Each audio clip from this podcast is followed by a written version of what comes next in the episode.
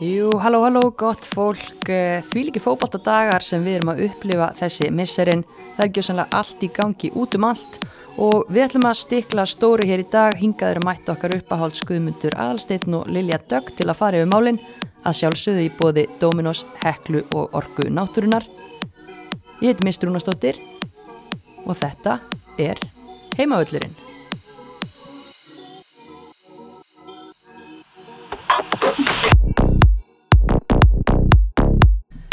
Já, ég gott fólk, hvar ámaður að byrja? Það er allt uh, í bullandi bolta allstaðar. Hva, bara, hvernig eru þið? Byrjum á því kannski? bara mjög góður í dag Já, sama hér, gott viður loksins Já, loksins sól og sumar enna í höfuborginni Já, það kom seint en, en kom þó og verður vonandi lengur en hvað, tvo daga? Já, ég myndi samt ekkert veði á það sko Þetta er, þetta er Ísland sem við erum að tala um hérna Þetta er Ísland, en uh, já, við elskum Ísland, við elskum íslenskan bolta og reyndar risa fréttir, það er kannski elski ekki Íslandi, það er ekki að spila á Íslandi, en, en tvær af okkar landslískonum uh, búin að söðlum á erlendri grundu, risa fréttir í gær, Berglind Björg uh, farin til PSG, Já, Bam.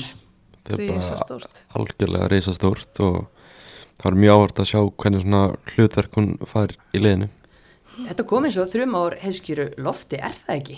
Jú, mér fannst það, ég, hérna, en bara ótrúlega jákvætt og flott. En ég var mjög, mjög hissa þegar ég sá þetta, ég veikinn það alveg. Mm. en ég held að þetta sé bara ótrúlega flott skref fyrir Berglindi, ég vona, ég vona líka einmitt að henni sé ætlað eitthvað, eitthvað alvör hlutverk og hún grípi það. Og mér langar til þess að sjá hann einmitt vera út samningstíman og Mhm. ná svona svolítið kannski stöðuleika í spilmennskunni sinni.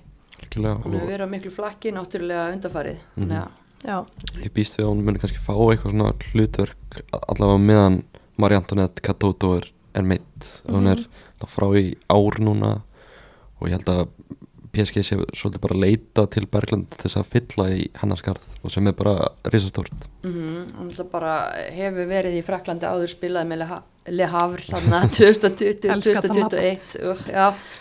en svo hefur hún spilað líka fyrir fyllt af öðrum stórliðum Hammerby, Milan, uh, Verona PSV, verið út um allt en, en þetta er búið að vera svolítið, já nú síðast brann svolítið brölt, uh, hvað semur hún lengi? 2024 já, 2024 2024 já. Já, Mhm. einmitt og já, bara eins og ég segi verður bara mjög spennandi að sjá svona hvernig hlutir hún fær og hvernig hún svona er að koma inn í lið að PSG er greiðlega stert lið og verða að byggja sig upp á, á síðustu árum. Mhm. bara eitt allra stærsta félag Evrópu, ég held að fólk kannski bara einmitt átti sig ekki á því og um að fyrir að tjekka yfir nafnalistan á leikmönum að þetta eru engir það er ekki neina til grín kall hann sko. Nei, það fóru langt í meistardelni í, í fyrra. Já, áttalega undanúslit um minni rétt Mhm. öðru seti í frönsku dildinni og hann alltaf bara eru hafa verið að nálgast Líón fílíkt Mhm. síðustu ár og það verður fyrsti leikurinn sjáum við Berglindi bara þar. Fyrsti leikurinn á móti Líón Er ekki hérna svona deildabikar eða eða hvað Su heitir það? Supercup svona Super charity Já. skjöldur ok, ykkur já, Já. já. Vitið Einmitt. hvernig hann er?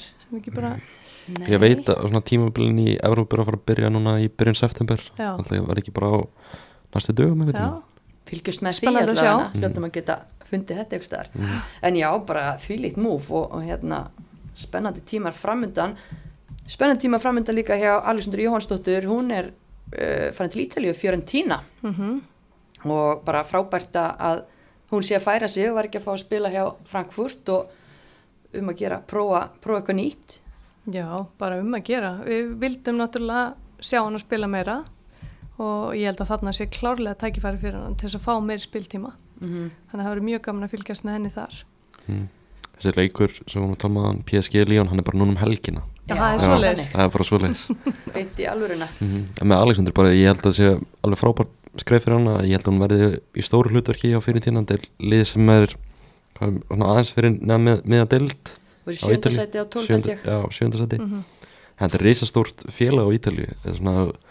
Horfir kannski í þessi stæstu félag með kannski AC Milan, Juventus uh, uh, Inter og svo myndi ég setja fyrirundina bara svona í flokk fyrir neðan það. Mm þetta er stórt félag og bara allir frábært skref fyrir hana því ég held að hún muni spila stórt hlutverk og bara svona gott fyrir landsliði líka hún sé í leikæfingu og svoleiðis.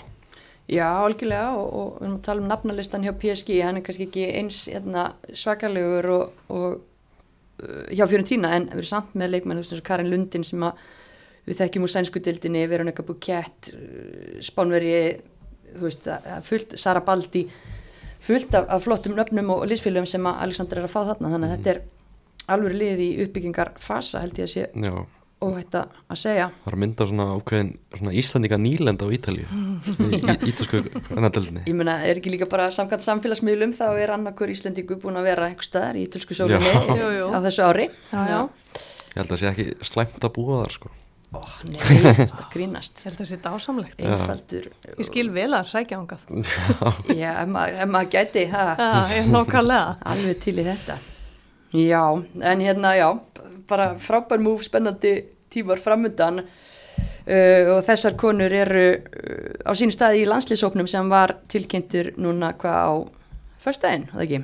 Jú, Uh, við erum að fara að mæta kvítrúsum hérna heima annan september og svo Hollandi úti 7. september og við vitum öll allt um mikilvægi þessara leikja við eigum góðan séns á að koma okkur bara beint á HM Mhm. svo er haldið Down Under á næsta ári Mm Sven sem var kannski aðeins betri í dag því Holland var að tilkynna nýjan hóp sinn og Mhm. Líki Martins er ekki í, þeim hóp. Mm Mhm. möguleikin er kannski Mm, aukust aðeins við það.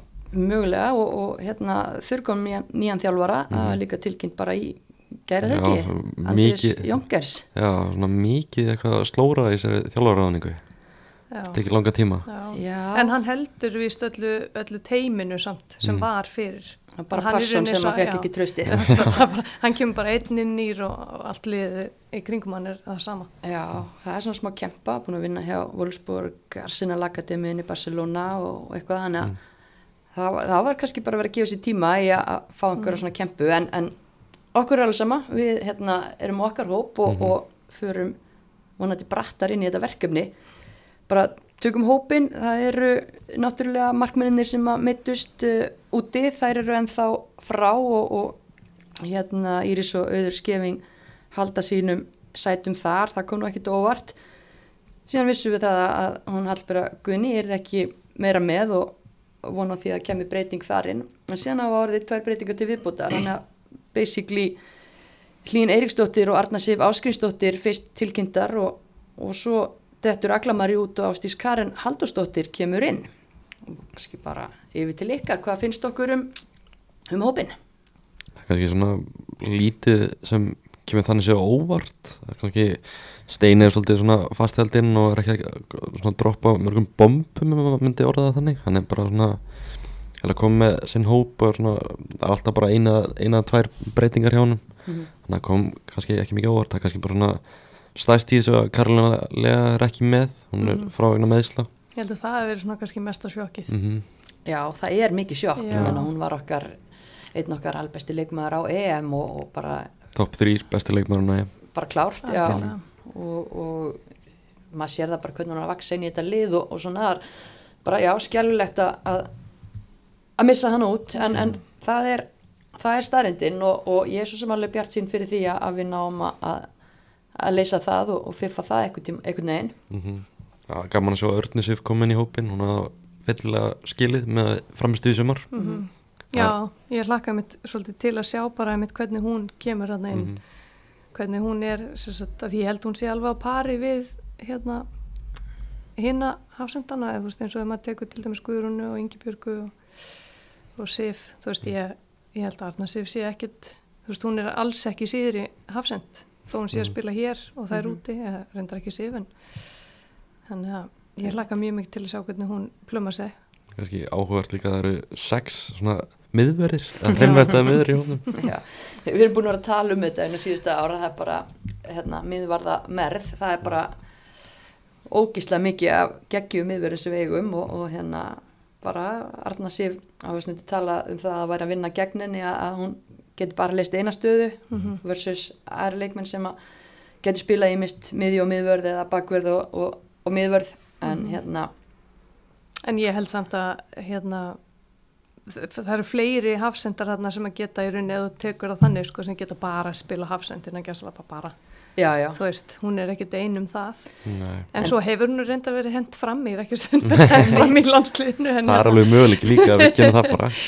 En hérna já, en svo náttúrulega þegar við förum í, í listana af miðjumönnum þá sjáum við náttúrulega það er líka nöfn sem hafa í mitt list þessar bakvarðastöður. Já, Mhm. akkurat. Það verður ekkert viss. Svo erum við líka með, veist, Guðni er eiginlega bara orðin hægri bakur í landsliðinu. Já. Hún spilar þá stöðu bara, svo erum við Ingebergur líka. Svo eru náttúrulega Elisa og Áslumynda sem komið til með að leysa þær stöður. Mm og svo hann hefur sér verið að gera það líka þú veist, já, akkurat Sif líka. Þannig að þó að það séu titlaðar hérna sem, sem miðjumenn og, og miðverðir mm að þá hérna, er þeim stundum ítt aðeins út. Það eru góður í fótbolta.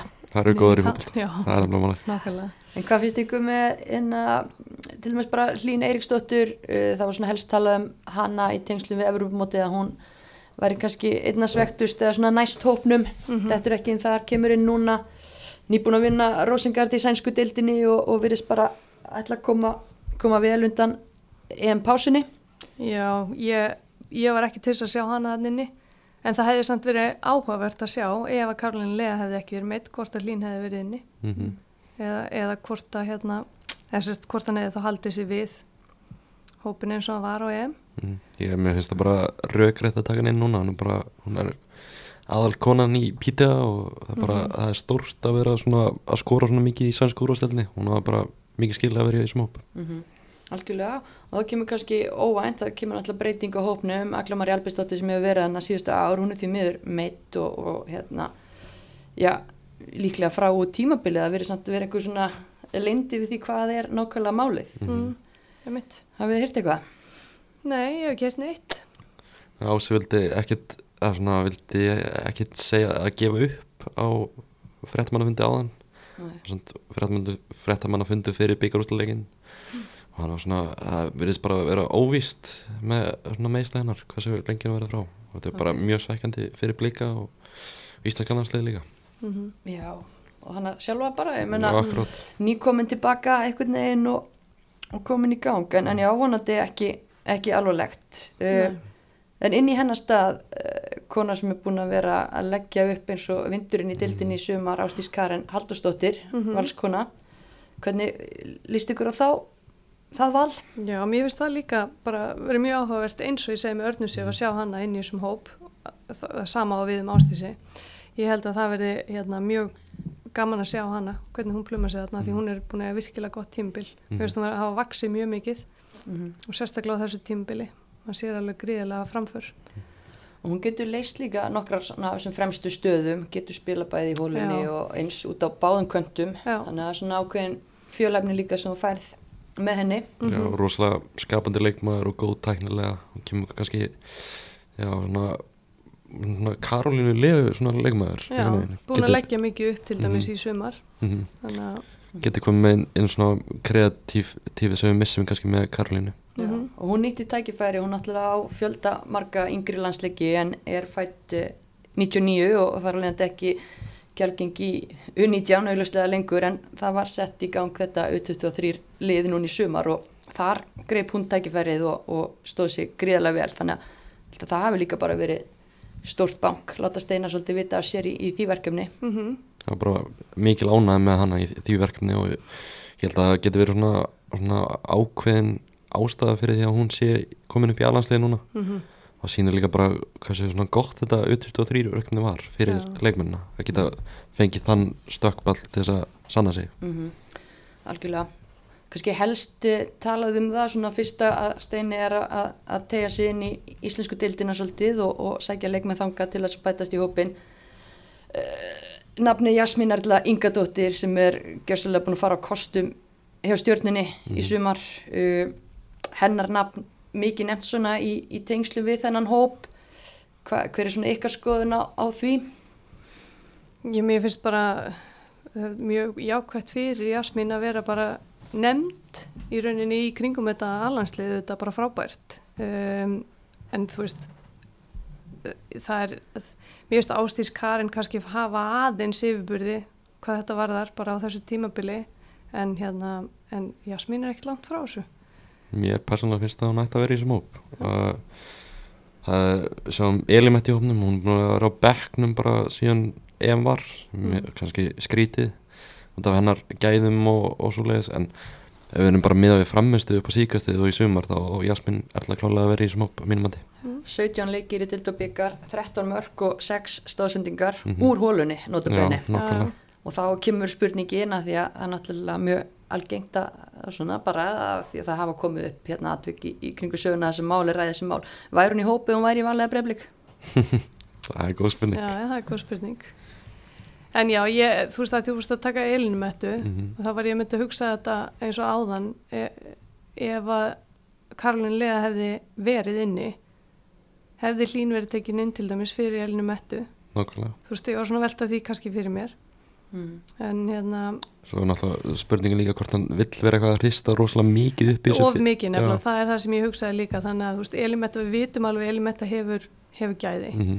og, hérna, og hún er þú veist það, hún, bara, hún er rosalega mikið umræðin hún er glóna hundlið á sig hlusta á þetta endalaust, en þú veist hún gefur kost á sér og ég menna það er, þó hún sé ekki fá spiltíma hjá val að þá gefur hún kost á sér Mhm. og, hérna, og ég menn hún bara valinn og hún er góð, við vitum það en þú veist, eins og ég segi mér veist, ég skil alveg þína punta að þið finnst hún að vera þarna.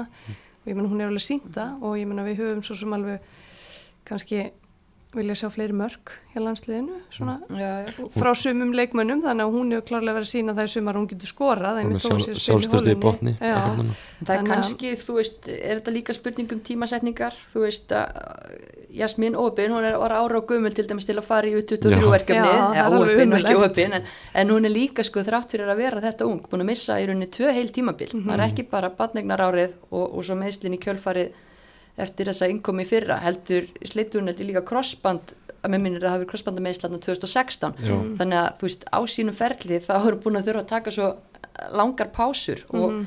ég er alveg viss um það að hún væri komin lengra ef ekki fyrir það en að sama skapi er hún á frábærum stað, hún var ekki kannski að gera neitt tilkall þegar að EM-hópurum var valinn en einhvern veginn núna þá er hún komin miklu nær þessu þannig að hún lítur að vera farin að færast upp upp Já, listan já, hjá ég- þústinni Já, ég hugsa það sem ég segi, þú veist, ég held hún sé ekkert langt frá þessu, Mhm. en, en þú veist, það er kannski þetta með þetta, uh, hvað segir maður, svona consistency, þú veist, við erum alltaf búin að horfa á hana núna eftir EM og hún er búin að frábær, þú veist, og þá þetta, það er það sem við munum þetta best, og ég er ekki að segja hún hafi verið frábær fyrir, en eins og segir, hún var kannski ekkert í umræðinni fyrir EM, en nú er hún í umræðinni, þar segir manni bara, hún er að nálgast, og ég held að hún er bara að taka það og, og bara, þú veist, láta það svolítið drífa sig áfram, sko. ég, veist, ég skil alveg að vera pyrruð við að vera ekki hóp núna bara eins og segir bara getur líka nýtta bara því að þú veist, reyna að koma sér inn í hópið þá næst Ég segi það. já, já. en svo álíka bara að vera drullu erfitt að komast í alasliðið Mhm. þú veist, það er bara þannig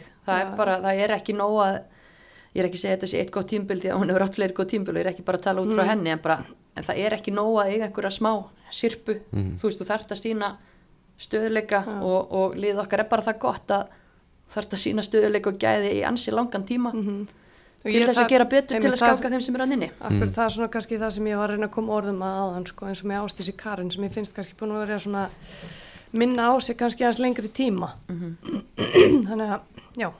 En auðvitað er landsliðið liðið sem er besta liðið að þeim tímapunkti og allt það, þú veist, það má alltaf ræða þetta fram og tilbaka. Auðvitað. Og það er bara alltaf gaman að geta rætt þetta. Akkurat. Og það er gott að hafa valkosti. Já, nákvæmlega. Og eitt kannski með elementu ég bara, svona, ég skil ekki alveg af hverju hún er að byrja alla líka á bekknum eftir EM hún er alltaf veik þannig að í einhverja dag eftir EM og er vist mjög slöpp.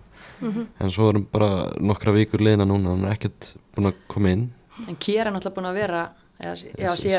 Séra Kjera, já, búin að vera hún er búin að vera frábær. mjög góð. Já. þannig að hún ætlar ekkert að sleppa Ég spurði, ég spurði með Pétur aðeins aðan af hverju, veist, hann sagði að Elmeti væri alveg 100% klár í slægin Mhm. ég spurði hann af hverju hann þá ekki að byrja leiki? Þá sagði hann bara, ég vel bara liðið hins einn og ég meina hann er þjálfarinn, Já. hann velur liðið algjörlega. Að Eh, við bara vonum að, að hérna Elimetta þegar hún fáið sénsina þá, þá hérna þá minnum bara vel á sig. Já, og líka minnum ykkur öll á að drífa ykkur inn á tix.is og ná ykkur í miða yes.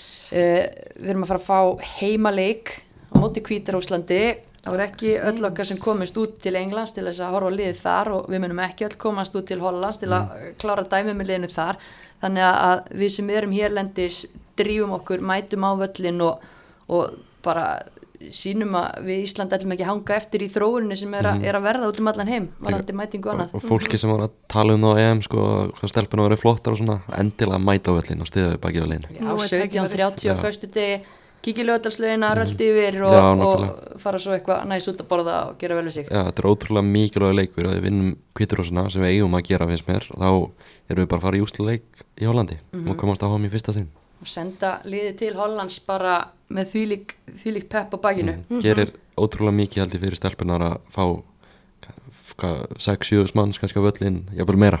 Já, bara slá met, það kom tími á næsta met. Takk fyrir, túkall uh, Já, en það er líka annað landslið sem ætlar að nýta þennan glugga. U19 er að fara í uh, vinnáttuleiki til Svíþjóðar.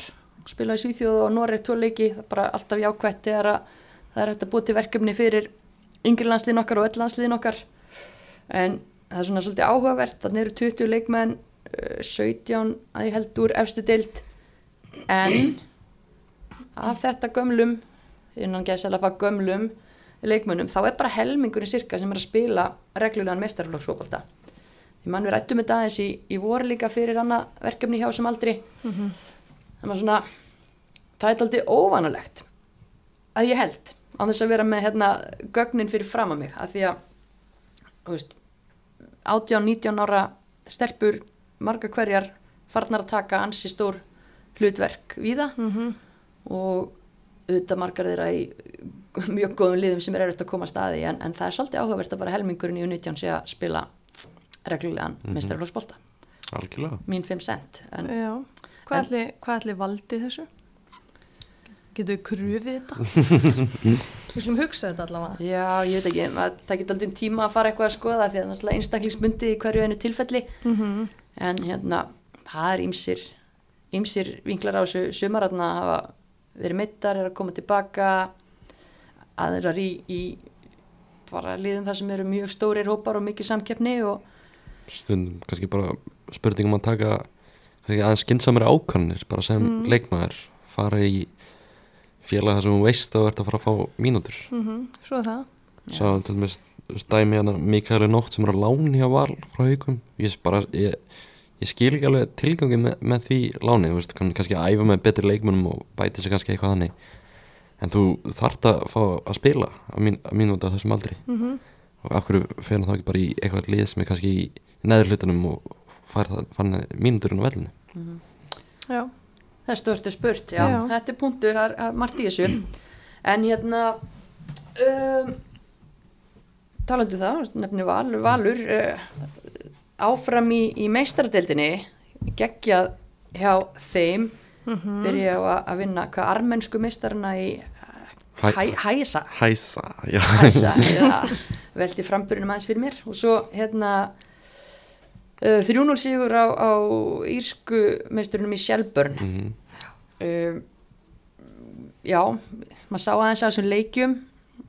Það var svona það var kannski ekki eitthvað mestu flugvelda síningar sem maður hefur séð en, en valskonur ansi drúar Pétur búin að finna gott, gott start hjá sér og gott lið og, og hær tikka bara og, og þessi leikur átti Shelburne svo sem sérstaklega það geta farið já, miklu, miklu stærri tölur. Já, mér fannst það að sjálfbúin byrja vel í þeim leik kannski svona fyrstu tíu minnunar þá var ég svona, ah, alveg heila tíu. Já, Já. já, kannski fimm, tíu mínútur eitthvað. En svo tók Valur bara yfir og eins og þeir hefði getið unnað þetta stara mm það var aldrei innum vafa þannig sé. Nei, en, en bara geggjað og maður var náttúrulega að vonast eftir þessu þegar maður sá, þú veist, bara liðinn og, og pældi aðeins í bara ranking á, á þessum listum og svona þannig að, að en það þarf að klára þessi verkefni er að klára þessi leiki og valskoni gera það bara samfærandi Mhm. ána með nöfnum mína samt líka, var hann ekki í viðtalið við þykkum Jú, eða láta jú. Júfa aðeins heyra það Já, já, bara um að gera. Þetta var náttúrulega ekki Við erum komin árið 2022 þá var þetta að vera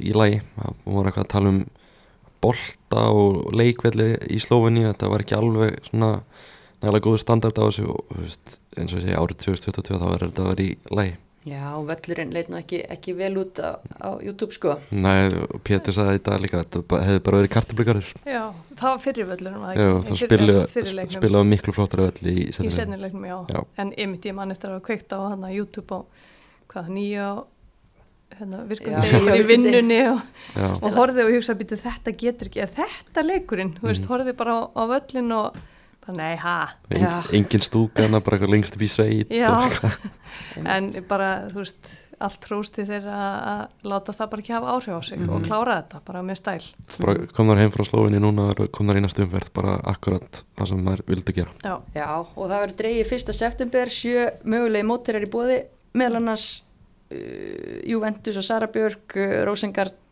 og Guðrún og, og Benfica og Chloe. Mm, við viljum bara helst slepp við þaulið Það er ekki bara, Jú, Rósengard Og þau og Juventus allavega já. hvað er svona Slavia Prag, það er náttúrulega hæstranka þarna hjá þeim Mm. það er að hérna mætt blíkum áður í, í leikjum hérna heima. Þær eru mjög góðar, er þjættar. ég held ég vilja svona fyrir hönd vals þá vil ég fá Vlasnia frá Albani ég held að það sé besti kosturinn Já, það er líka ekkert of dýrt ferðalag. Súrik líka frá Sviss alltaf er ekki mögulega gegn þeim og jafnvel Sent Polten frá Östurík já. Já, Súrik er flott, það er líka hérna, bara Beint flug. Beint flug, já, Mm. já. það er svona eh, þessi þrjúlið Já. ég er svona pín mér finnst Benfica vera svona pínu óskrifa blað sko Já, maður spyrja heiti sig aðeins betur út í þetta Mhm. en Chloe leikur alls svolítið hana og það er aldrei, það er aldrei auðvelt að eldast við hana þannig er kannski betra að bara gema, gema það eins Mhm. en allavega Juventus og Rosengard bara nei takk. Ekki Slavia Prag. Ekki slafið Prag heldur. Nei, ummitt, það verður- mjög gaman að sjá hérna, það verður dreigið fyrsta seft og uh, já, ég hérna talaði nú að mér í síðasta þætti. Mér fannst eins og að hérna, enn YouTube stöðin væri strax byrjað að sína allar leiki en ég ætla bara að leiðrætta það hér og nú. Þau byrja ekki að streyma fyrir enn í riðlakefnin, þannig að maður það bara finna, finna sína leiðir finna til þess eitthvað að sketchy stream og já, það er alltaf gaman. En hérna upp og niður hjá breyðablík, það er náttúrulega er, eru leik, eh, voru að spila í Noregi, bara byrja illa og greinlega tauga titringur hérna á móti uh, Selmi Sól og félögum í, í Rosenborg.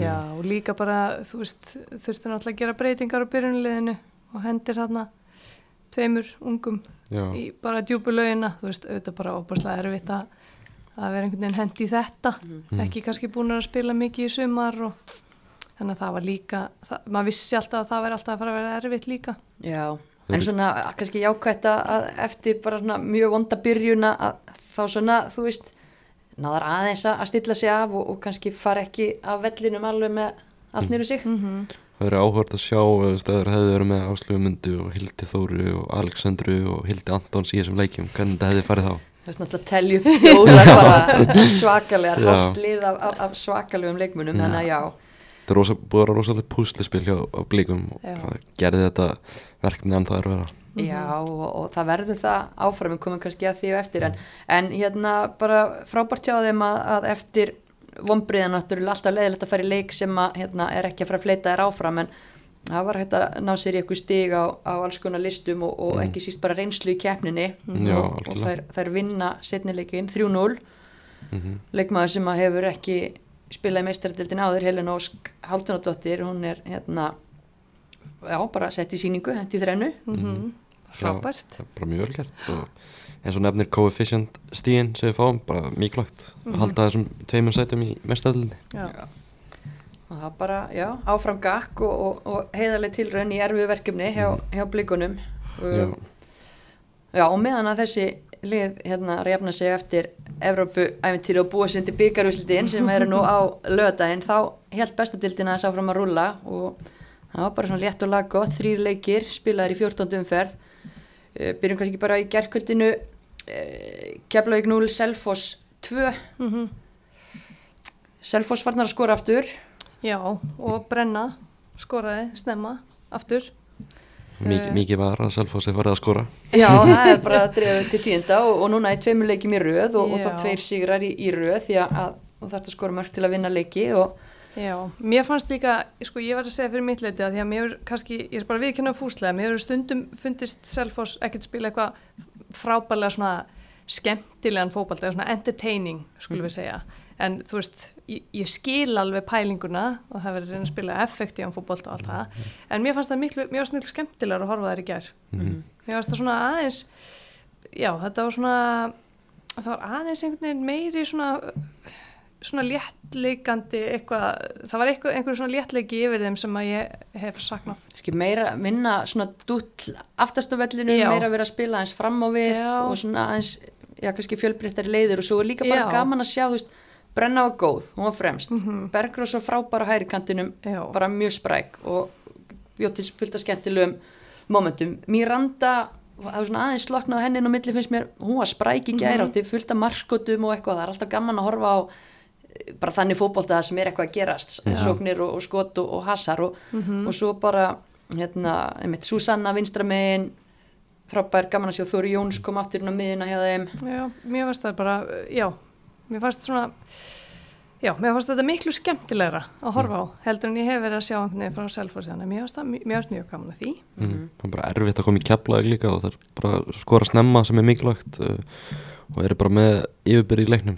Miklu meira með boltan, miklu fleiri færi og bara mjög sangjant sigur. Já, Já. og kannski eins gaman og, og það var að sjá selfisingana svona aðeins, hvað, ég ætla ekki að segja koma út úr skilinni en svona aðeins að stækka sig svolítið og, og gera meira en það hafa verið að gera. Þá samanskapi var ég fyrir miklu vombriðu með keflauglið að því að mér hefur fundist ógislega gaman að horfa að leiki með þeim að því að þú veist, að gengur vel, þú veist, hverju tæklingu líku fagnað og, og bara einhvern veginn svona berja sig svolítið áfram mér fannst það aldrei aldrei gerast í gæri, náttúrulega skellur að lenda undir þetta snemma Já, hefur áhrif en ég var svona fyrir vonbröðu með þær þó að það hafi vantað þarna Karlæn vann Slambrúk í vörnina og, og svona þá já, ég bjóst við aðeins meir, ég bjóst við þarna sálinni sem maður sér alltaf á suðunisjunum Já, vantaði svolítið svona passion í, í þeirri leik sem maður er vannur að sjá. mm Líðilegt að ná ekki að fylgja því eftir sigurinn um að afturhaldingu um daginn. Ummitt Það skrítið mitt að ná ekki einhvern veginn að, að hérna, mótivera sig einhvern veginn rétt eftir einmitt svoleiðis leik. Mhm. og leikmenn sem voru, þú veist, frábæri þeim leik bara mjög lítið ábyrjandi í, í gær.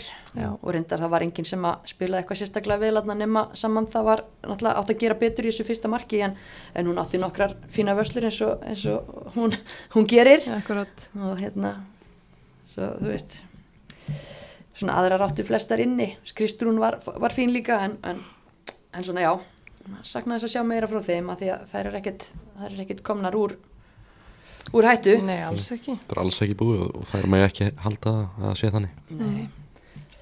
nei, nei, gera það eflaust ekki. En hérna uh, talandum að að koma sér af hættu uh, Þór Káa sem er búin að vera í tómi tjóni. Hvað var það markaskorun og stigasöfnun. Mm. þær gera sér lítið fyrir og vinna bara 100% verðskuldaðan sig, sigur á þrótti. Já, bara, sko, maður sá strax uh, hérna, við höfum oft gaggrínt varnarleikin hjá Þórká í sumar og svolítið verið að, hérna, já, svolítið skjóta á, á þeim með það, en hérna, maður sá strax batamerki á varnarleiknum hjá þeim á móti Selfossi í, í síðustu umferð og mér fannst það einmitt vera lítið mun betur út núna varnarlega og bara, ég ætla bara að hrósa þeim fyrir það. Já, við vorum að Hérna. mynda ræða fyrir upptöku hvernig sko þróttarar tættu þar í sig í fyrri Já. leikliðana Já, einmitt, mann vel eftir því.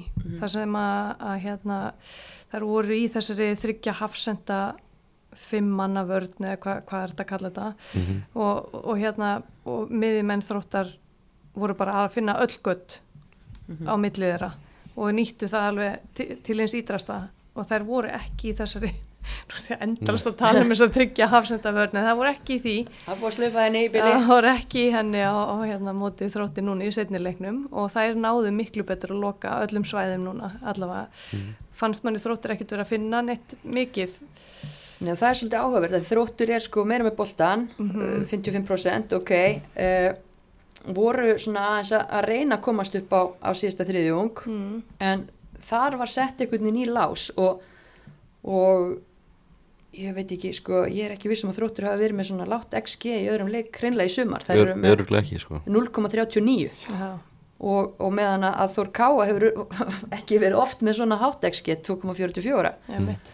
Þór- Þór gáði bara í þjættu fjóru fyrir tveir í þessu kerfi ná, í þessum leiksi og það virkaði bara mjög vel. Já, og ég fannst bara, þú veist, burt sér frá kerfum og allt þetta, við erum líka um gaggrintar fyrir svolítið andlisi og það er að vera að byrja þess að leiki alltaf að fá sér marka því að virðast ekki tilbúnar og, og, og svona unni misvel úr þeirri stöðu. En, en þarna einhvern veginn ég veit ekki hvað hva gerðist, það er kannski að því að Jón sé á amal í dag og hann vildi gefa honum hérna snembúna amalskjöf, hann er ekki fært um kallin Já, Gæti það ekki verið? Stóra amali en hérna nei, þú veist bara ógíslega vel gert og þær skoruðu hvað síðast í júni held ég Já, höfðu farið þarna í gegnum einhverja, hvað er þetta, fjórir, fimm, fimm leikir alltaf án þess að skora, Já. tapaði með öllum. já, Já, það er erfitt. það er erfitt Það já. er vel gert bara að koma sér út úr, út úr því. Já, og, og þær eru náttúrulega búin að setja sér í tölur betri stöðu núna. Mm Um, þær eiga, sko, já, þær eru konar í 13 stegið ekki, eins og keflaug já, og afturlendingi 9 og káður í 7. Þú veist, þetta er risa stig þetta eru svakalega mikilvæg steg.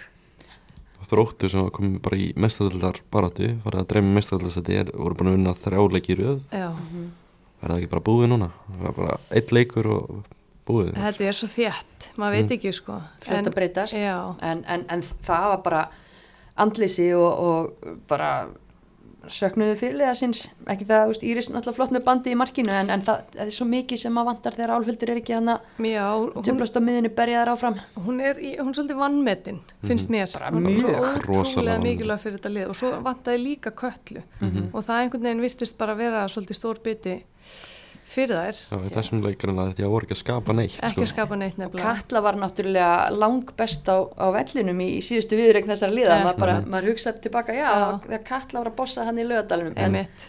Líka bara, þú veist, ég sá hann um daginn á maður dýpi var bara þessar sendingar sem hann er með, bara mm. þræða leikmenn í gegn, þetta Já. er bara rosalegt. Já, það var svona ákveðin vombrið sko að vitandi það að þú ert að fara í hennar leik án þessara tvekja leikilmanna að einhvern veginn leikmenn nái samt ekki einhvern veginn að ég veit ekki, gýra sér betur upp í, í þennan anda og barning af því að eins og segi þeir eru og voru sérstaklega í, í fínni stöðu til þess að að bara líta upp fyrir sig hreinlega í töflunni. Algjörlega. en hérna, en bara vel gert hjá Þór Káa. Mhm. og vel mætt á leikin og var frýtt á leikin og auglist vel og Mm já, maður heyrði það bara fólk mætti. í TV að, að það var öskrað frá, frá fyrstu mínútu til, til síðasta og trommað og svo talaði um, um blessaðan Hjálminn sem er með 100% sigur, sigurlutfall nú er bara að vera að draga strá held ég hver á að vera með hann í næsta leik. Uh, eru þið hérna hjátrúfull eða? nei, Ekki neitt, sko. ekki neitt. Ok, þannig að þið er ekkert spennt að sjá Hjálminn áfram? Nei, hann má alveg bara vera inn í klefa. Eða þarf enginn á hann að halda.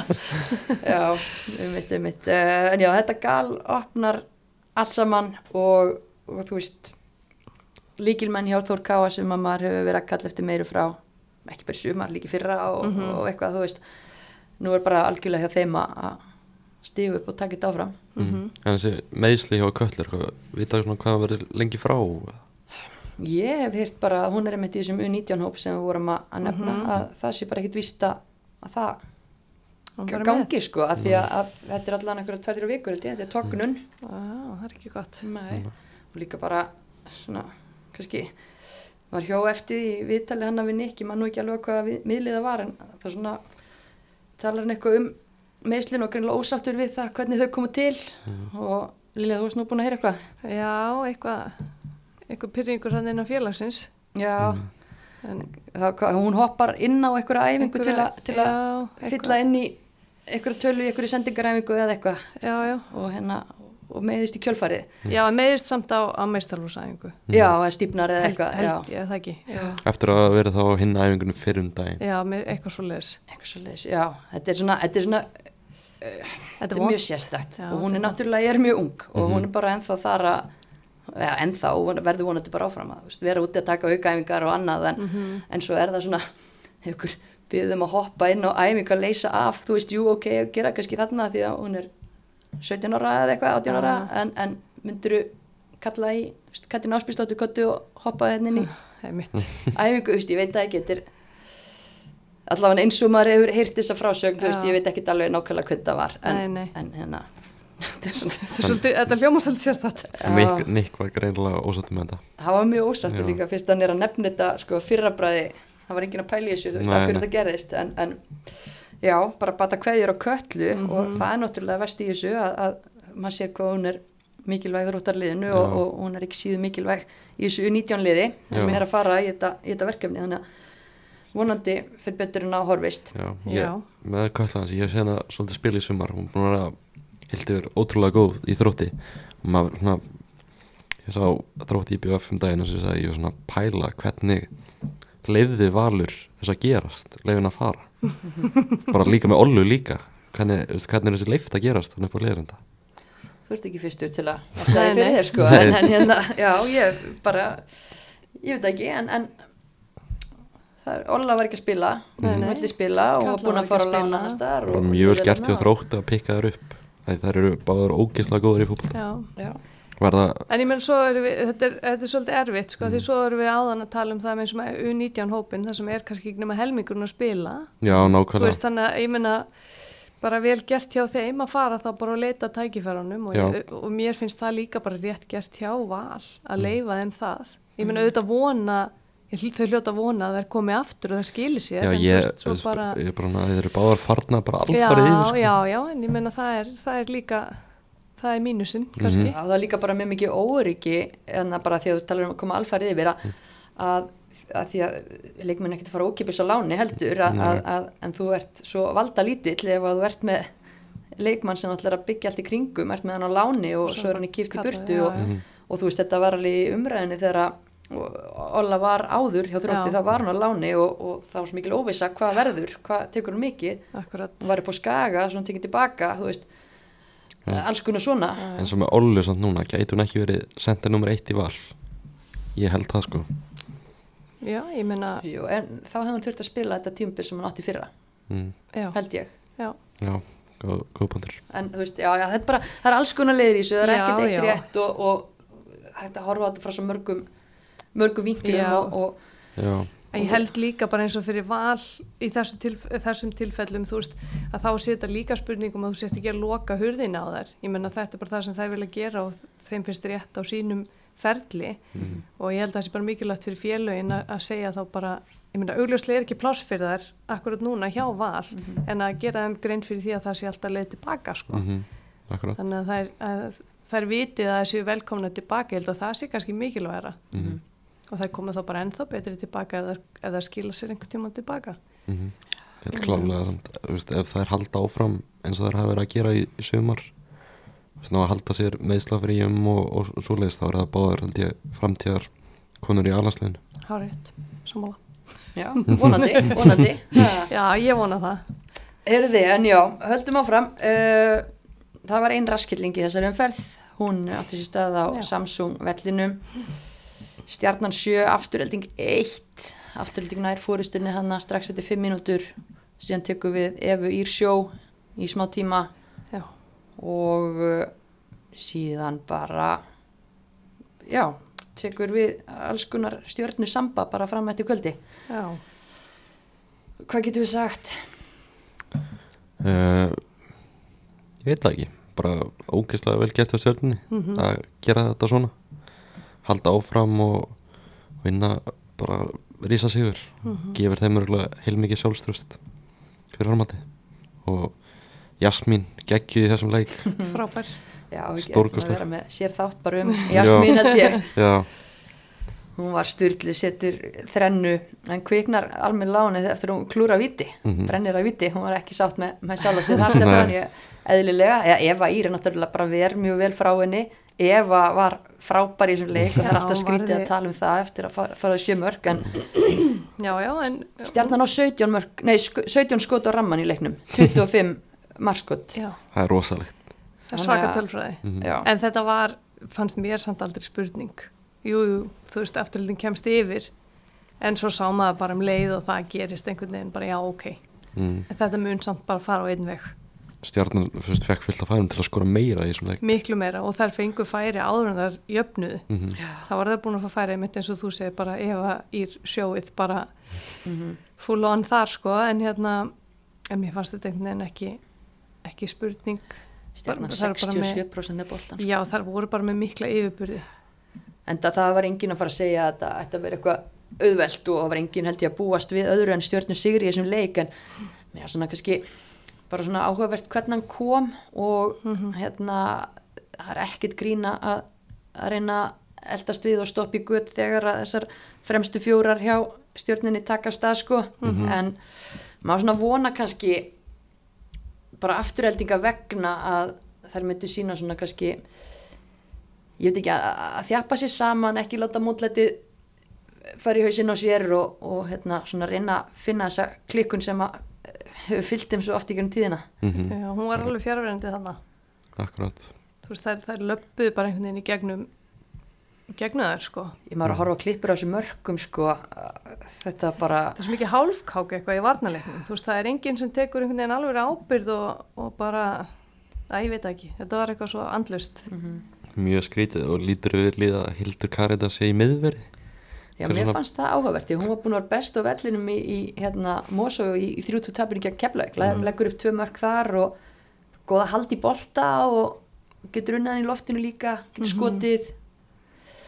Uh, já, er það bara ekki með aðra kosti í meðrastöðuna sko Sigrun Gundís var að spila miðju í þessum leik og ég nú oft séð hann að spila miðveri gegnum tíðina. Þannig að það hefði verið eitt kostur en, en nei, það er náttúrulega bara bras, ég meina þeir eru með fimm erlenda leikmenn og bara enginn þeirra hefur sínt mér ennþá að hún sé nógu góð til þess að spila í efstu deild. Nei, gerði hann ekki líka breytingu á milli þessari leikja og skipti út einhverju tveimur útlendingum fyrir aðra tvo útlendinga ég held að hann er bara reynd að skipta á einni. bara bara einni, ok. En, en hérna en það kom allavega sögu núna og allt í góðu. Það er greinlega Mhm. enginn þeirra nema þessi McKenzie sem er þá miðvörun sem að spilar sem að hérna er pjúra startir Já, en hún leit ekki vel út í þessum leik og ekkit sérstaklega á móti keflaði keldur skrítið að horfa hérna á liðsöpsendingun og sjá leikmann nummer 10 og 9 í vörninni hjá afturhaldingu það er mjög fyrirlagt já, já, einmitt. Það skal ekki skrítið að fá þessi sjömark eftir það.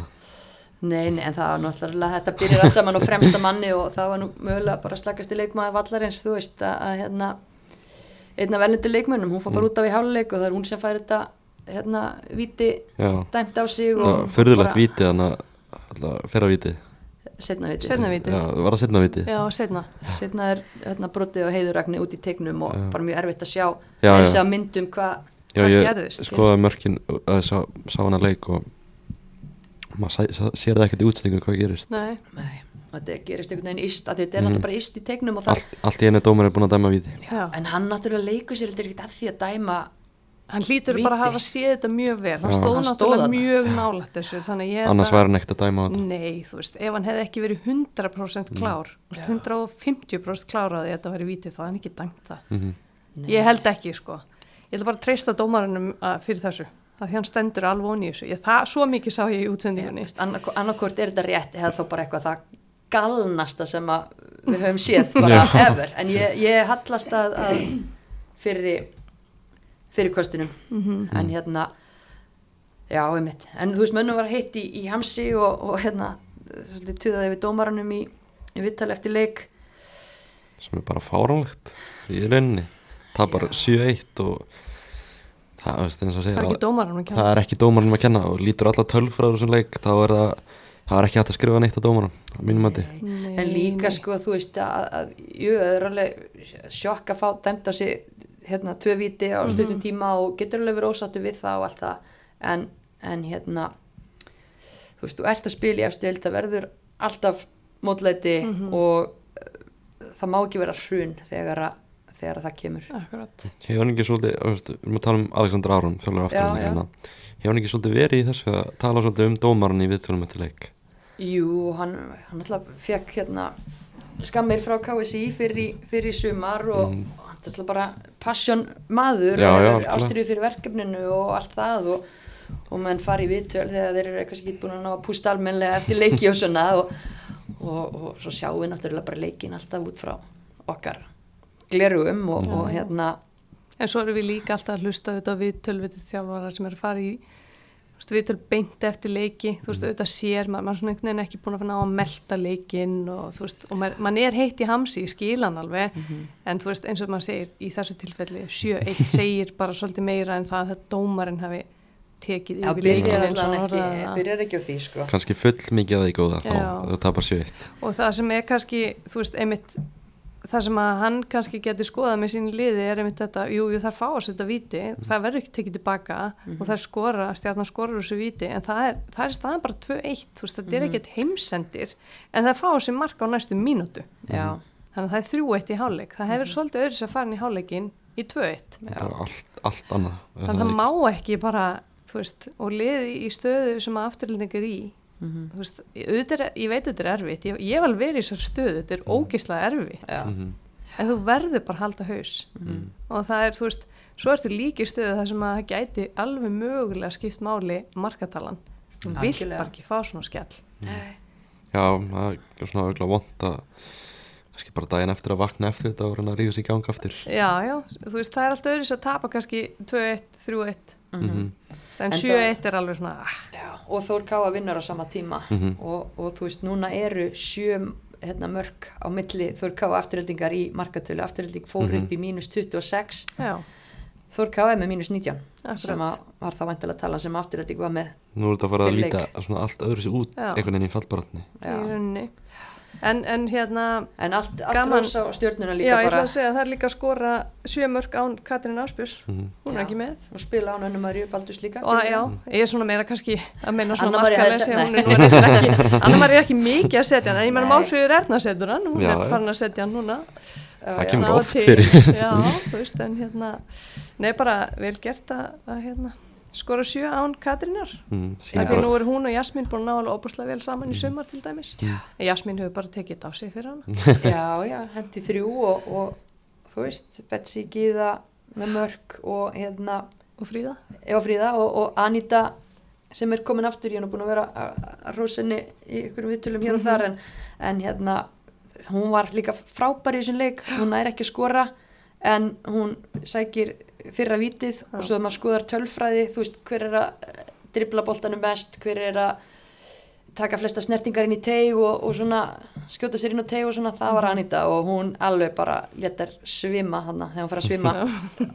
Bara áður en að, áður en að þessi mörg komu. Já, mm, af því ég eldast við hana þannig að bara aftur ég held áfram að vera eins og rispuplata geggja að fá hana tilbaka. Svo er kannski bara mikill munur á gæðum í þessum liðum og kannski bara best sérsta í sendingarhlutfalli. Í þessum leik 83% tæpli á stjórnunni og við erum komin niður í 66-67% í afturhaldningu já, já, það er bara ákveðin gæðamunur á milli þessara liða held ég. Já, það er bara þannig. En hérna, já. Látum, látum staðanum með stjarnar að koma sér í bara fín mál. Getur, getur stjarnan náð öðru setnu? Mér finnst það vel gert hjá Jasmín í viðtal eftir leik. Hún sagði bara, já, við erum að horfa í annarsætti og ætlum okkur að ná því. Mhm, já, Getur stjarnan skáka breyðabliki? ég held það. Já, ég held að það getur líka gæst með þú veist, ástandi á leikmannhópi breyðabliks og allt hannig Já, ég held Blikar er að eftir að fara til er eftir að fara á Oregávöllin Mhm. fá afturheldingu heima og enda svo þrótti heima. Þannig að blikar getur vel tapast stigum í þessum, eitthvað af þessum leikjum. Mhm, Stjarnan á veist, þrótt heima Selfoss úti Þór Ká úti og Keflavík heima. Mm Það er möguleiki fyrir stjörnuna að Já. Ég held það. Miði er möguleiki. Það er bara, ef það myndi gerast það er bara stórkastlega gert hjá, hjá Stjána Guðmunds og öllum leikmunum liðsins hvernig þetta hefur svona verið byggt upp Mhm. síðustu árin að vera komin á þennan stað aftur að vera í topparötu Klárt. En við áttum alltaf eitt eftir að því að eftir fyrsta þriðjung í hérna, bestildinni þá völdum við besta leikmann og besta unga leikmann. Þá uh, völdum við Örnu Sif Áskrinsdóttur hjá Val besta og Köllu Tryggvadóttur besta unga leikmannin. Mhm, Uh, við erum aðeins á eftir áallinu, við ætlum að sjálfsögða að velja uh, besta, bestu leikmanna fyrir annan þriðjung og hérna ætlum að gera það í bóði orku náttúrunar. Orka náttúrunar alltaf með okkur í liði og við erum búin að vera að tala svolítið um hérna, hverfa hlæðslutna þeirra. Og Lilja, þú ert duðlega að spotta þær þekkir, þekkir þær við all, öll íþróttamannverki hérna, höfuborgarsvæðisins en mér langar líka að vekja aðtikli á heimahlæðslunni þeirra.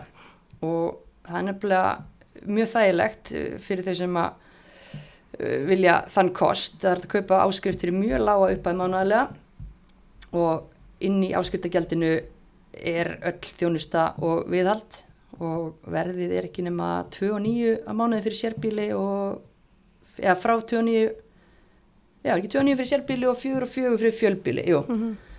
og það þýðir það bara að umræða nútímalega hlæslustöð sem hendur öllum raf og hybrid bílum og það sem að ég elska við onn er bara þjónustan sem þið bjóðu upp á þannig að ef þú hendir í áskrift þá sjá þau um allan rekstur og viðhald á hlæslustöðinni og þú ert basically að greiða sama pening fyrir rafmagnið á bílinn og það sem ert að greiða til heimilisnota og svo náttúrulega bara þjónusta verið, verið þeirra opið allan sálaringin, alltaf.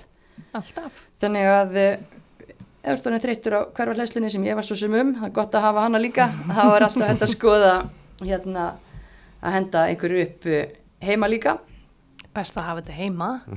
þægilegast þægilegast. Og Og, ekki hérna- fyrir meiri pening en þetta. nákvæmlega Mm. og það er svo einfalt þú ert bara að hafa samband eh, og fá tilbúð í uppsetningu og get ekki verið einfaldara bara kíkja á on.is eða bjalli í þau on er aldrei að flækja málin Nei. engar, ekki dves Þú er alltaf til staðar. og er alltaf staðar hjá 24-7 það er, er key en eh, já, í búið þeirra ætlum við að velja leikmann sem er búin að vera gjössanlega on í umferðum 7 til 12 þannig við erum ekki að tala um síðustu tvær umferðir. Og við erum með tilnefningar og það eru fjórar.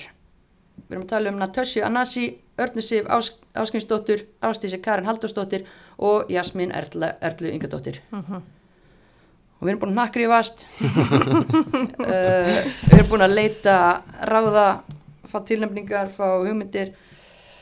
Heyri fólki sem er búið að sjá sem mest af þessum leikjum öllum saman og við höfum komst að Rifja þetta niðurstöðu upp. Þetta er það leikir sem voru spilaðir í, í byrjun júni og fyrir Fyrir EM þetta var alveg smá heimavinna rifið allt saman upp, það er, það er alveg hreinu já, Þannig að, hérna, en, en við komumst að niðurstöðu já.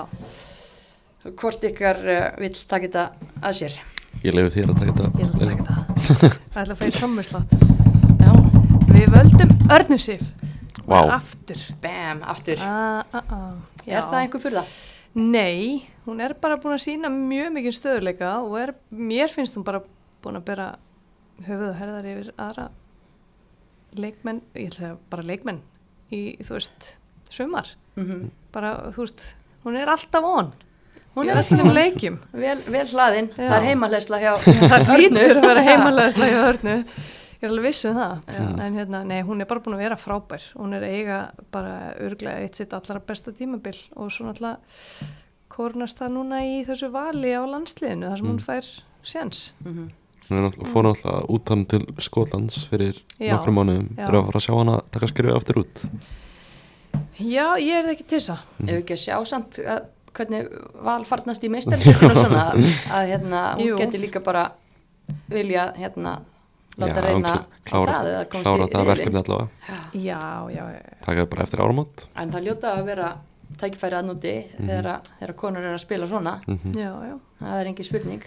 Og svo náttúrulega bara viljum við að Valur fari í riðlakefnina Mm, og Það það er hérna bara mun örgla skapast tækifæri fyrir ekki bara hana heldur örgla fleiri. mm.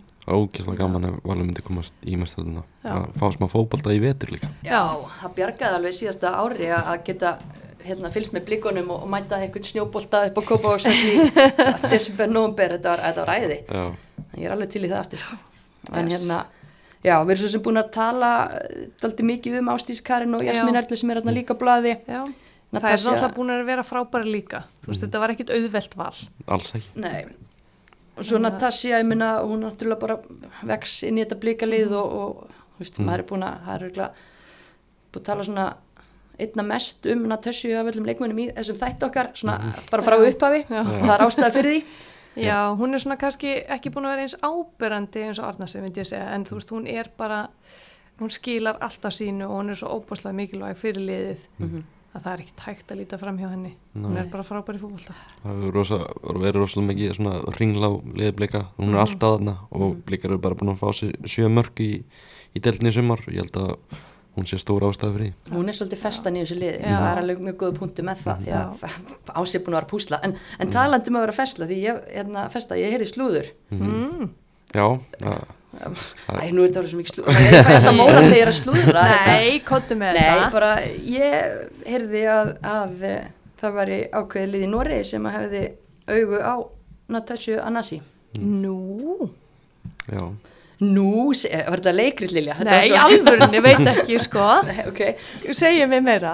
Nei, ég bara, ég veit ekki meira, ég Nei, bara ok. heyrði það að, að hérna, það væri, eh, já, brann liðina Söfurósa fyrir liðina Berglindar og það, hérna, væri að sína ykkur áhuga. Ok, ég er í alvörunni, sko, ég vissi þetta ekki, ég bara... Ég heyrði þetta bara hérna á leiðinni, þannig að ég bara Já, er samt tala svo oft af mér eða svona.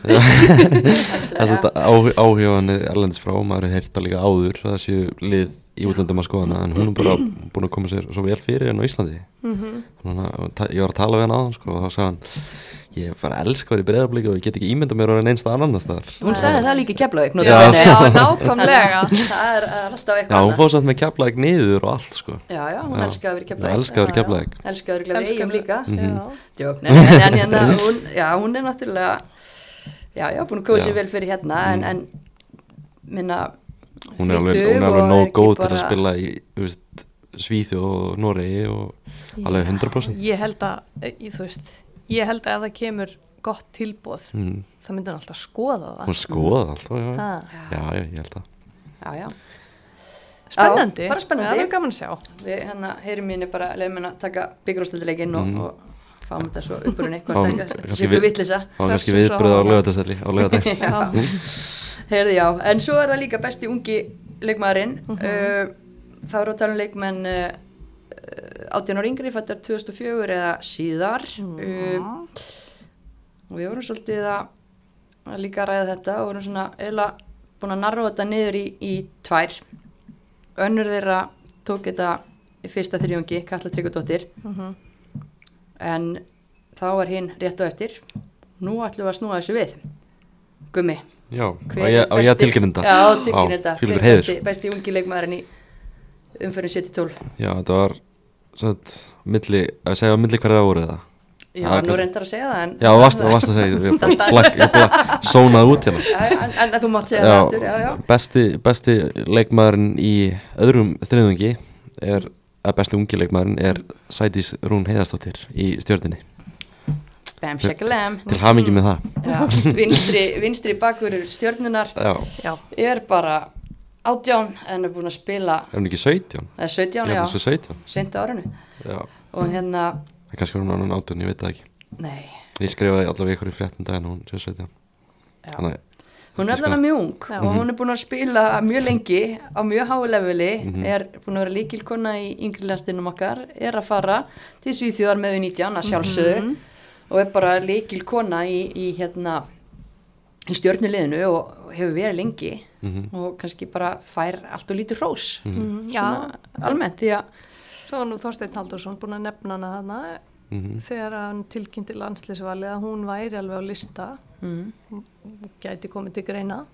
sagði að hún væri klálega framtíðakona í landsliðinu Já, Já. þannig að það verður bara gaman að, að hérna, sjá hann að nýta þetta U19 tækifæri mm til þess að svona, Þetta er, þetta er klálega bara svona staða líka sem þú, þú týnir ekkert leikmenn af trjánum sem spila í vinstri bakverði. Nei, og er með góðan vinstri fót. Já, hún tekur öll först leikatriði Mhm. hérna, ekki öll, hún tekur náttúrulega móti giðu en tekur hérna hot með einsving og, og Mhm. búin að gera lengi og mikið af aukaspinnum og eitthvað þannig að Þetta er líka bara, þú veist, þú skoða tölfræði á hann í sumar Mhm. bara mjög góð og já, bara virkilega gaman að sjá svona ungan leikmann stíða upp í góður lið fulltrú Ólasvíkur ein af, ein af nokkrum í liði stjórnunar Já, er hún frá Ólasvík? Já, Uh, ég vissi það ekki? Nei, jú, jú, hún og, og Eirún Embla sem var miðvörður og svo Mm. Anita Ólaf sem var markmaður, það er allar úr Ólasvíkinni það er bara vel gert. Það eru akademi mína þar.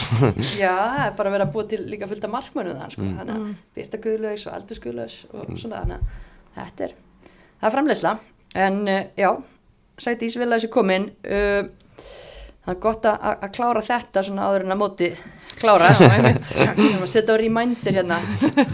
Gera þetta upp á réttum tíma næst. Um, en uh, já, við erum náttúrulega að fara í risastóran byggarústættaleik uh, á lögadaginn Já, það er ekkit smá.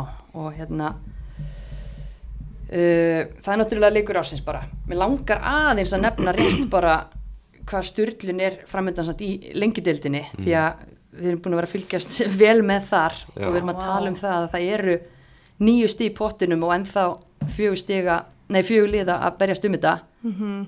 FH 37 stig, Tindastóll 34, HK 33 Víkingur aðeins og eftir þar eiga síðasta sjens í kvöld þeir eru með 29 stig Já.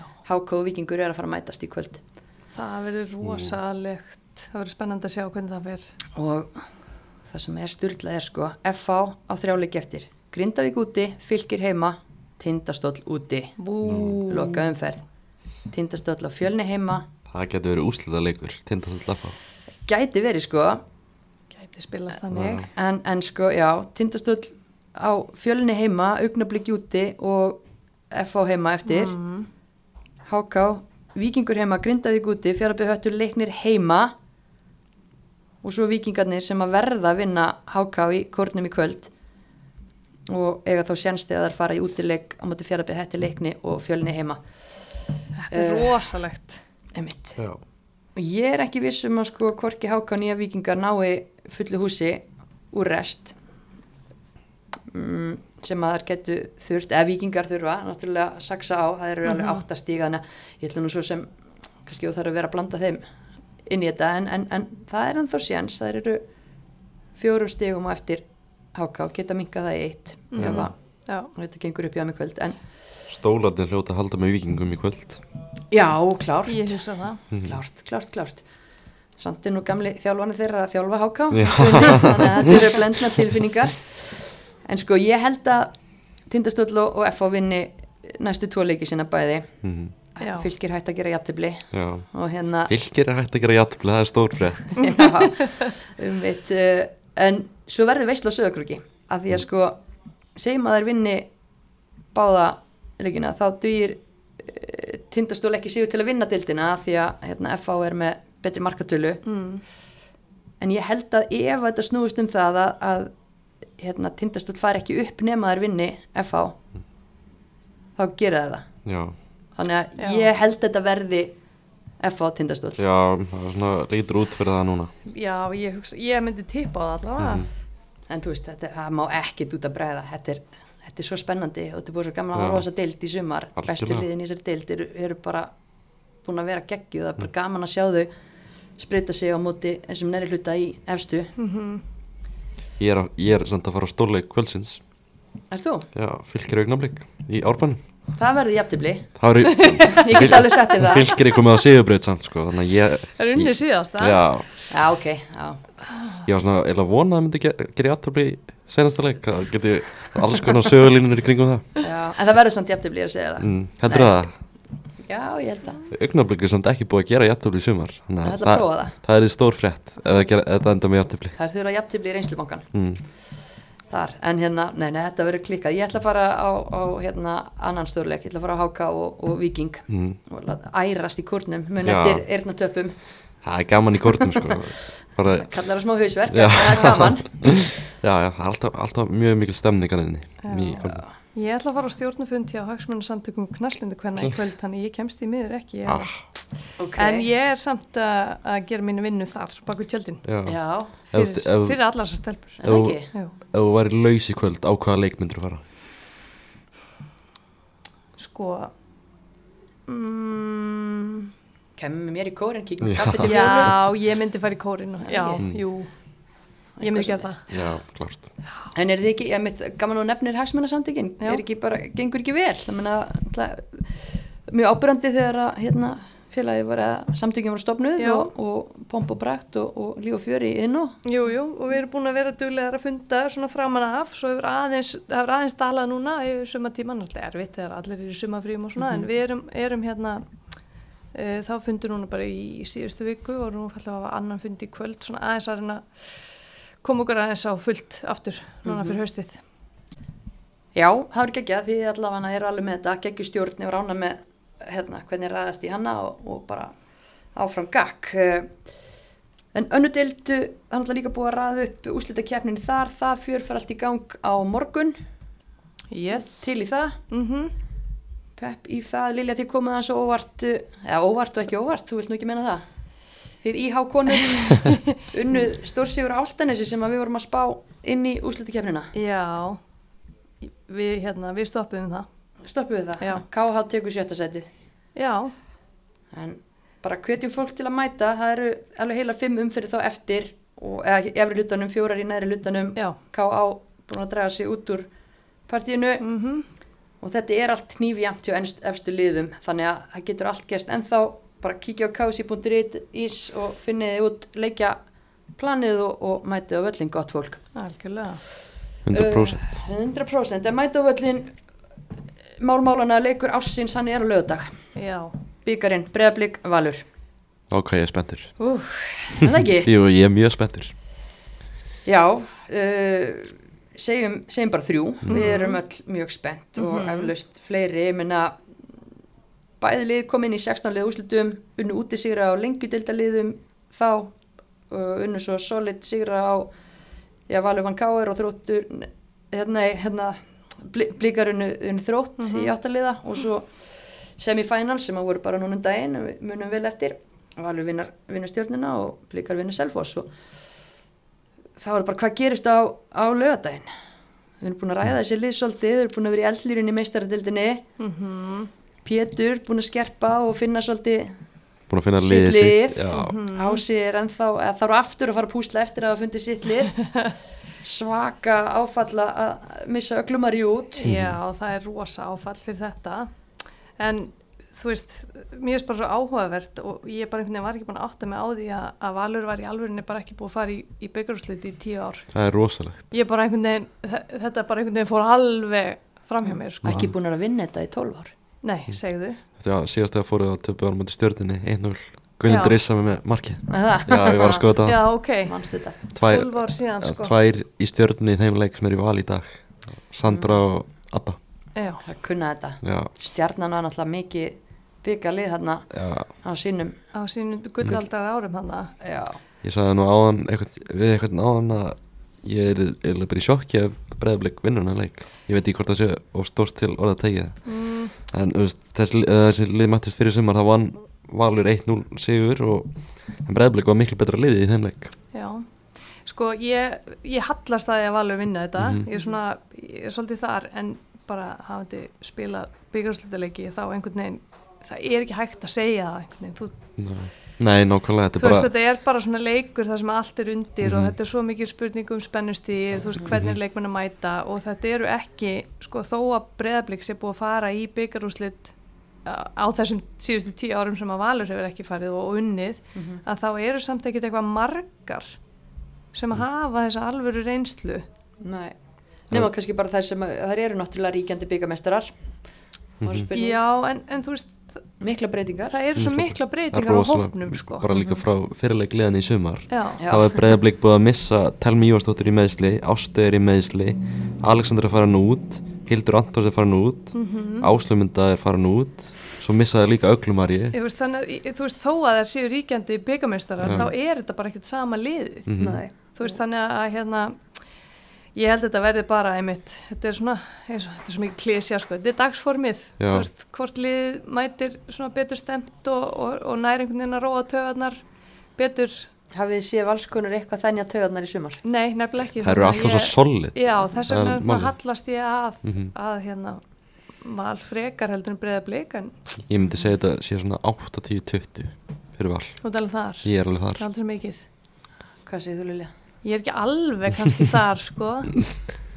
En hérna veist, bara út af því að ég hef til dæmis farið inn í byggjárslutileik sem algjör underdog. Mm og hérna og það var ekkert þú veist, við töpuðum honum vissulega. Já, en þú veist, það var samt ekki þannig að það væri bara einhver einstefna þú veist, Nei. þannig að, það getur allt gert þannig, í og, og þú veist, ég myndi aldrei segja það að breyðablík sé að fara inn þetta sem einhver underdog sko, Nei. þannig, þú veist, jú, jú, það er mikla breytingar á liðinu en þær eru alltaf með frábæri leikmenn Mhm. þannig að hérna það kannski helst það að þú veist það er óbúslega stuttur tími sem að þau hafa til þess að undirbúa liðið eh, einmitt án þessar leikmanna sem hafa verið að hverfa braut. Já. það er svona kannski það helst þú veist, ef, að- ef að byggjurúsleikunum væri kannski í lók september, Mhm. þá held ég að blikar hefði átt betur sjans, en hjá- ég held að ég, ég, ég er svona 70-30 70-30 já, ég er svona 70-30 kannski hjálpa blikum aðeins að það er einhver svona aðeins auðveldara ferðalag í öðbækjafni þú veist, Valur var alveg að ferðast í einhverja 12-13 klukkutíma á gleðinni heim Já. sko. ég held að það eitt eftir að sitja. heldur það ekki eftir að sitja Nei, ég held að það sé bara partur af reynslunni líka Mm. bara einhvern veginn að- að geta þú veist, bara kúpla sig út úr Já. öllu Mm. Áreiti og öllu sem að þú hefur ekki stjórn á og fókusir á einhvern veginn bara næsta, næsta gig Já. og mér finnst það er búin að gera það bara ótrúlega vel, ég menna það eru búin að vera að skipta á milli verkefna hægri vinstri Mhm. og, og hérna þær hafa ennþá ekki sínt annað en að þær ráði vel við það Mhm. þannig að ég er hérna svolítið já, bara held að, held að reynslan sko bæði inn af allar sem utan muni fara ansi langt með þetta fyrir valskonur og líka bara hungrið, menna það er náttúrulega galið að lið eins og Valur, stórveldið hafi síðast unnið byggarinn 2010 það er það er ætla að breyta er, því Ég segi það. það hlýtur að vera Já. en Lilja þú sagðir þú hefur farið í svona leik Mhm. kannski bara aðeins að því bara stemningin og upplifunum við að fara í svona leik Mhm. þetta er eitthvað bara ómetanlegt Já, þetta er náttúrulega leikur sem að ég held að allir leikmenn vilji fá að spila einhver tíman á ferlinum. Þú veist, bara, uh, þú veist, ég, ég fæ bara ennþá svona fyrringin þegar ég hugsa bara um þegar ég er að lappa einhvern veginn að stúkunni, mm -hmm. snýri lögadal, bara svona, ó, já, þú veist, allir fánarnir að, þú veist, þetta er bara einhvern veginn svo geggjað. Mhm. Það er hérna, og stemmingin, þú veist, það, þarna mæta líka allir einhvern veginn mm að stuðnisfólki mætir og flikist á baku liðið sitt og, og það er bara svo dásamlegt. Mm. og þetta er einmitt, þú veist, en maður finnur alveg þú veist, ég spila svona leik þegar ég var til dælu að snemma á ferlinum og svo hef ég spilað svona leik þegar ég er til, til dælu að mjög seint á ferlinum. En þú veist, það er samt þessi fyrringur, það er svona að segja sko, þú veist, þetta- auðvitað reynslan hefur ótrúlega margt að segja en það er samt alltaf þessi fyrringur þegar þú ert komin inn á völlin þú veist, þú horfir upp í stúku og þú veist, einhvern veginn þú veist, út í byggarúslitum það er einhvern veginn alltaf þessi svona smá tögaditringur sko. Það er eitthvað þú sérstakt það er leiki. eitthvað sérstakt, þú veist, stundum nær maður að slökka bara um leið og það er fyrir gang. Mhm. en það er ekkert alltaf þannig sko. Stundum er maður svona smá tíma þú veist, að reyna að finna sig einhvern veginn. Þannig að ég held að þetta verði mitt svona spurningum hvort liði næra hrista það af sér bara um leið og að flöta á. Mhm. Mikil hefð hjá þessum liðum bæði hafa unnið 13 sinnum þannig að það er keppnum að um að taka fram úr þar. Mm en uh, við langar þá að henda á ykkur dóminarspurningunni því við erum náttúrulega hér í búið þeirra og það eru netdagar. Bara gleðileg jól, 50% afsluttur af öllum sótum pítsum á matseli eða pantað á netinu eða með appi. Mm. ekki amlega það, það var einmitt geggju pítsaveisla í vinnunni hjá okkur í hátteginu Mm. Mikil gleði, alls konar úrval og, og, fjölbreytileiki. En já, Valur og Breiðablík hafa unni keppninu oftast, eða 13 sinnum. Þá kemur til ykkar, bara að googla.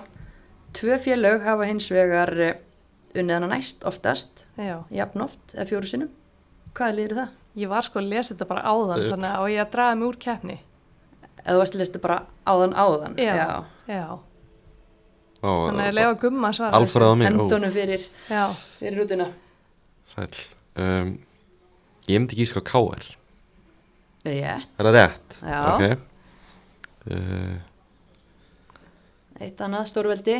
Stóröldi, mm langt ég síðan það er ennu gamalt stórveldi. Gamalt stóröldi Hvenna megin, sko. Já, hvað var ekki verið að heldur upp á 30 ára? Já, 30 ára síðan, síðast. Það er unnu síðasta vikingur eða? Nei, Nei, gamalt stóröldi í íslenskum fótbolta. Já, er það refstild núna? nei, nei. Hafa ekki verið í svolítið tíma, sko. Ú, það er í annar dild er í annar dild hvað er þetta í að Bingo! Það er rétt, vel gert. Nú vin, vinnurinn uh, Dominos Pizza gummi fyrir já, takk fyrir það. þetta. Já, ég sérst las þetta bara bara á leiðningað, sko. Já, er skemmtilega að láta gumma um að svara þessu. Við náðum þessu. Já, Já, vel gert. En hérna bara rétt í lokin að þessum leik sem við ætlum náttúrulega öll að, að horfa á það er hérna hægt að ná sér í miða og, mm Mhm. og röglega líka bara að mæta að ná sér í miða en betra að vera búin að græja já, það. við fengum skilabóð á fundin maðan að græða þess að með áriðið mæti Ok, það kási í svona mæli með því. Já, gott, ok. gott að gera það forðast örtriðina Mhm. í hittabilgjunni sem verður á Við lögdæðin hita bylginni uh, hvernig verður stilt upp? Við erum búin að tala um það að Pétur sé búin að finna liðið sitt. Uh, erum við ekki bara að giska á að Sandra verið í markinu Anna Rakil og Elisa miðverðir nei, bakverðir gaman að vona að það er ekki miðverðir Arna og Mist miðverðir Adda og Lára með ástísi fyrir framansög miðinni Solveig og, og Þórtis Kantar og sér að fremst. Jú, ég myndi ekki það er það ekki, það er alltaf að koma heilar undan Slovenju, Já. svo best sem við vitum. Mm. Ég sé ekki að hann sé að fara að breyta þessu. Nei, Pétur sagði að bara Lilli og Malla sem eru að klíma í smá ölu meðsli já, bara eins og hefur verið. Mhm. Ok, þá bara getum við svona nána sett staðfesta það að Pétur rendar svona einstaka sinnum, þá kemur hann mann óvart og, Nei, nei, og gerir eitthvað eitthva flip. hann breytir sér ekkert ég, hef ekki trúið heldur. Ég, hef einhvern, ég er bara að reyna að búa til. Já, við erum að skjóta þetta bara alveg niður hérna. uh, Blikar, ég menna Heiðdís, hún er komin aftur, tók einhverja mínútur í, í meistaradildinni, Mhm. uh, við erum samt ekki vera 100% af því að hún tók ekkit meira en nokkra mínútur í sennileiknum, ekki? Já, mitt. miklu meira pústusspil með blikana Já. hvað, hvað það er alltaf að gera og sérstaklega það er Agla dettur út Agla Marja dettur út. Persson verið í markinu, Já, það er alveg klárt. Natasja verið miðvörður. Já. Mhm. Ég ætla að segja að Heiðdís verði við hliðin á henni, já, þetta er byggarúslega leikur Já. Já. Já, við trúum því Laufey og Anja, sikur megin, mm Mhm. bakurir, Já, ekki Jú, mögulega, Karin Marja geti líka náttúrulega verið hana, Já. en, en Laufey gerði vel í Európu, mm. Setni, setni leiknum Gæti- setni, Mhm. já, gæti ekki bara Karin Maria komið inn á kantinn fyrir öglumari. geti það. mm. Caritas, Símer, miðinni, Já, verður klaraðar með þeim, Karin Marja geti líka verið á miðinni. já. Klara verður Ég held pottþétt í liðinu, Klara já. frekar. Helena hlýtur að halda sínu sæti í liðinu, þrennu konan, Það lítur að vera. já, þá er þetta spurning Birta, Víktis Lilja, Karin Marja eða er Írena að fara að fá tækifæri í loksins á miðinni? Kannski ekki náttúrulega stórst að Ég held að verði, já, ég held að. Það að segja, já, erum, við, erum við að betta á laufi í, í vinstri bak þá og Klara á miðunni já, Birta Helena Vítislilja í fremstu stöðum? Eða er Karin Maríunni ég held að Birta mun alltaf byrja hennan leik. Já, ég líka. Já, Og 100% vítislega, Já. jú, segjum það. já, Karin Maria kemur inn á alveg trillt og tætir upp öllin. X-faktorinn inn á bekknum. Já, Já, ok. Ég held að Caritas verður mjög mikilvæg í þessum leik fyrir blika Mjög. Hún Verður kann mjög- þetta. mjög. hún hefur unnið þess að gefna á þér. Var best á vellinu Já. þegar hún vann hana. Þannig að hún er til í þetta. En þá vil ég bara fá að heyra frá okkur í lokin. Spá, ég vil tölur, ekkit eitthvað svolítið kjátt Ég ætla að segja 2-1 fyrir val. Hver er skora? uh, Sierra skorar Svo skorar Arna Sif Sigumarki Og fyrir blíka þá held ég að Held að Birta Georgsdóttir skori. Heldur áfram að vera á eldi. Já, Ég ætla að segja, ég ætla að segja 3-0 3-0 fyrir val. Ok, segð mér þá líka hver er skora. Ég held að Sierra mun skora, fyrsta. Ég held að segja mist skori, með skalla. Það er þú sagði alltaf sem ég mist. Og ég ætla að segja, við vorum ekki með Þórdís í starti. Jú, Jú, Svo vorum við með í starti. já, Pétur líka, alltaf Og ég ætla að segja, já því mér fannst þú að segja Solveig, ég var allir að hugsa það. Solveig Sol- og Þórdís Sólu og Þórdís og Ég er alveg í ruglinu. Klukkan var Dísirnar. alltaf margt. Ég ætla að segja Þórdís sett í þriða. Já, Ég bara líka bara hvetja fólk til þess að mæta á, að mæta á völlin metið, árandametið á byggarúsleik í mjölkubíka, hvernig var sett? 2015 2435 árandur, ég vil að mæti fleiri núna. Já, þetta er líka ágúst. Ég menna að Já. það búið að spildi í oktober Já. kulda Já. og eitthvað. Nú er hittabilgja. Það er hitt að fylgja, já. Já, og, og bara, þú veist hvort sem þú heldur með þessum liðum eða ekki mættu og sjáðu góðan fótbolta. Það er ekkert betra að gera á laugadegi sko. Klugan, neitt, klugan ekki fjögur. neitt. ekki neitt, Ekkert. þetta verður líka geggjaðu fótballalíkur Já, heyrðu það, 100% ekki fyrst og ekki síðast hér en, en við lofum góðri skemmtun. Yes. yes. Yes, yes, yes, já það er nóg um að vera. Maður er alveg hérna, svitna bara við að hlaupa yfir þetta allt og já, klárt sko. Náum ekki að tala um næstu því allt. Nei, þetta er bara besti tíma ásins hásumar og mikill fótballi Já, mikið álag. Mikið álag, það er bara gaman. Það er veisla, en hérna, við endum alltaf á uh, okkar uh, gamla góða lið í bóði bíla umbóðsins heklu, mm. veljum við hekluna og við hvetjum uh, hlustundur okkar til þess að- líta við í bíla umbóðinu eða hekla.is ef að þið eruð í uh, bíla kaupa hugleðingum Mm uh, toppþjónusta hjá þeim bæða á vefnum og í, í versluninni. Þannig að, að bara tjekkum á því. En heklan er sem sagt einhver sem að eh, er að vinna geggjastarf í kringu fótboltan má vera góð í fótbolta má líka vera mjög liðlega í fótbolta. Það er bara allt opið. Það eina, eina er að við erum að leita einhverju sem er að gefa af sér og hérna gera góða hluti utan allar -hmm. og Já, við fengum tilnefningar að austan í dag. það er svo leis er Við ætlum austur á eigirstaði mhm. Og hekla, hekla nokkar þessu sinni heitir Eva Dís Pálmadóttir. Það er hérna mikil kjarnakona, skal ég segja þér, og þau lýsa henni þannig að austan. Þetta er lögfræðamentuð kona búsett á eigilstöðum og hún hefur verið mikið kringum yngri flokkastarfið á Austurlandi undanfærin ár og aðalega hjá Hetti og bara haldi gríðarlega vel utanum allt skipulag og svolítið verið svona hækka standardin bara í, í utanum haldi og, og, og svona þegar kemur að skipulagi í starfinu. Og þau í fjárabið Hetti leikni voru svo heppin að fá hana þar inn í, í stjórn núna og er, hún er mistarlóksráði þar. Og við höfum alltaf fylgst með þeim í lengjutildinni þær er að gera, gera gott mót alltaf bara frábæra uh, bara uppleið og er að gera mjög, mjög, góða hluti þar. Mm akkurat. Og, og þau tala um það að hún er að koma þarna inn og, og er að koma með svona ákveðna sín og, og, og líka bara svona skipulagsæfileika sem að hérna bara koma sér vel í svona starfi það er ekkit grína að, reyka fótboltalið hvað þá hérna, akkurat út á landi. Það já, út á landi mitt og, og, og bara kostnaður og alls kunnar skipulag sem þarf að vera í, í topp málum Mhm. og, og þar hafa hafa þau fundið bara algjöran gullmóla í, í Evidís Pálmadóttur og hérna og hennar hróður best við það og hún var kosin sem hérna, landsluta fulltrúi Austurlands á síðasta ástingi KSI já, já, gekkja flotti fulltrúi þar og hún er líka í starfsópi sambandsins um útbreyslu mál og annað þannig að þetta er viskubrunnur og, og hérna, öflug kona sem að er búin að gera frábæra hluti og byrjar í, í græsrútinni í yngri flokkunum þar sem að, að hérna, hefur talað mjög fallega og vel um hennar störf. Já, það þurfa, þú veist, einhvern veginn bara öll félag út á landi að vera með svona mannesku í sínu starfi, það er bara svo mikilvægt. Mm. og bara frábært uh, það séu svona sjálfbóðlegar sem eru tilbúin að leggja svo, svona mikið til félaga sinna. Já, það er krúsjált annars, annars myndi þetta aldrei gangu já, það er bara svo þetta gangi upp eins og það segir, Mhm. ótrúlega mikilvægt. Það er bara þannig. En hérna, við erum að fara á vellingumi yes, ég er að frá vellin í kvöld fylgir augna blik Já, og ég ætli í kórin, Yes. HK Víkingur. Já, og við höfum nóg að ræða þá bara eftir helgi. Algjörlega, að- hvetjum alla til að fylgjast með?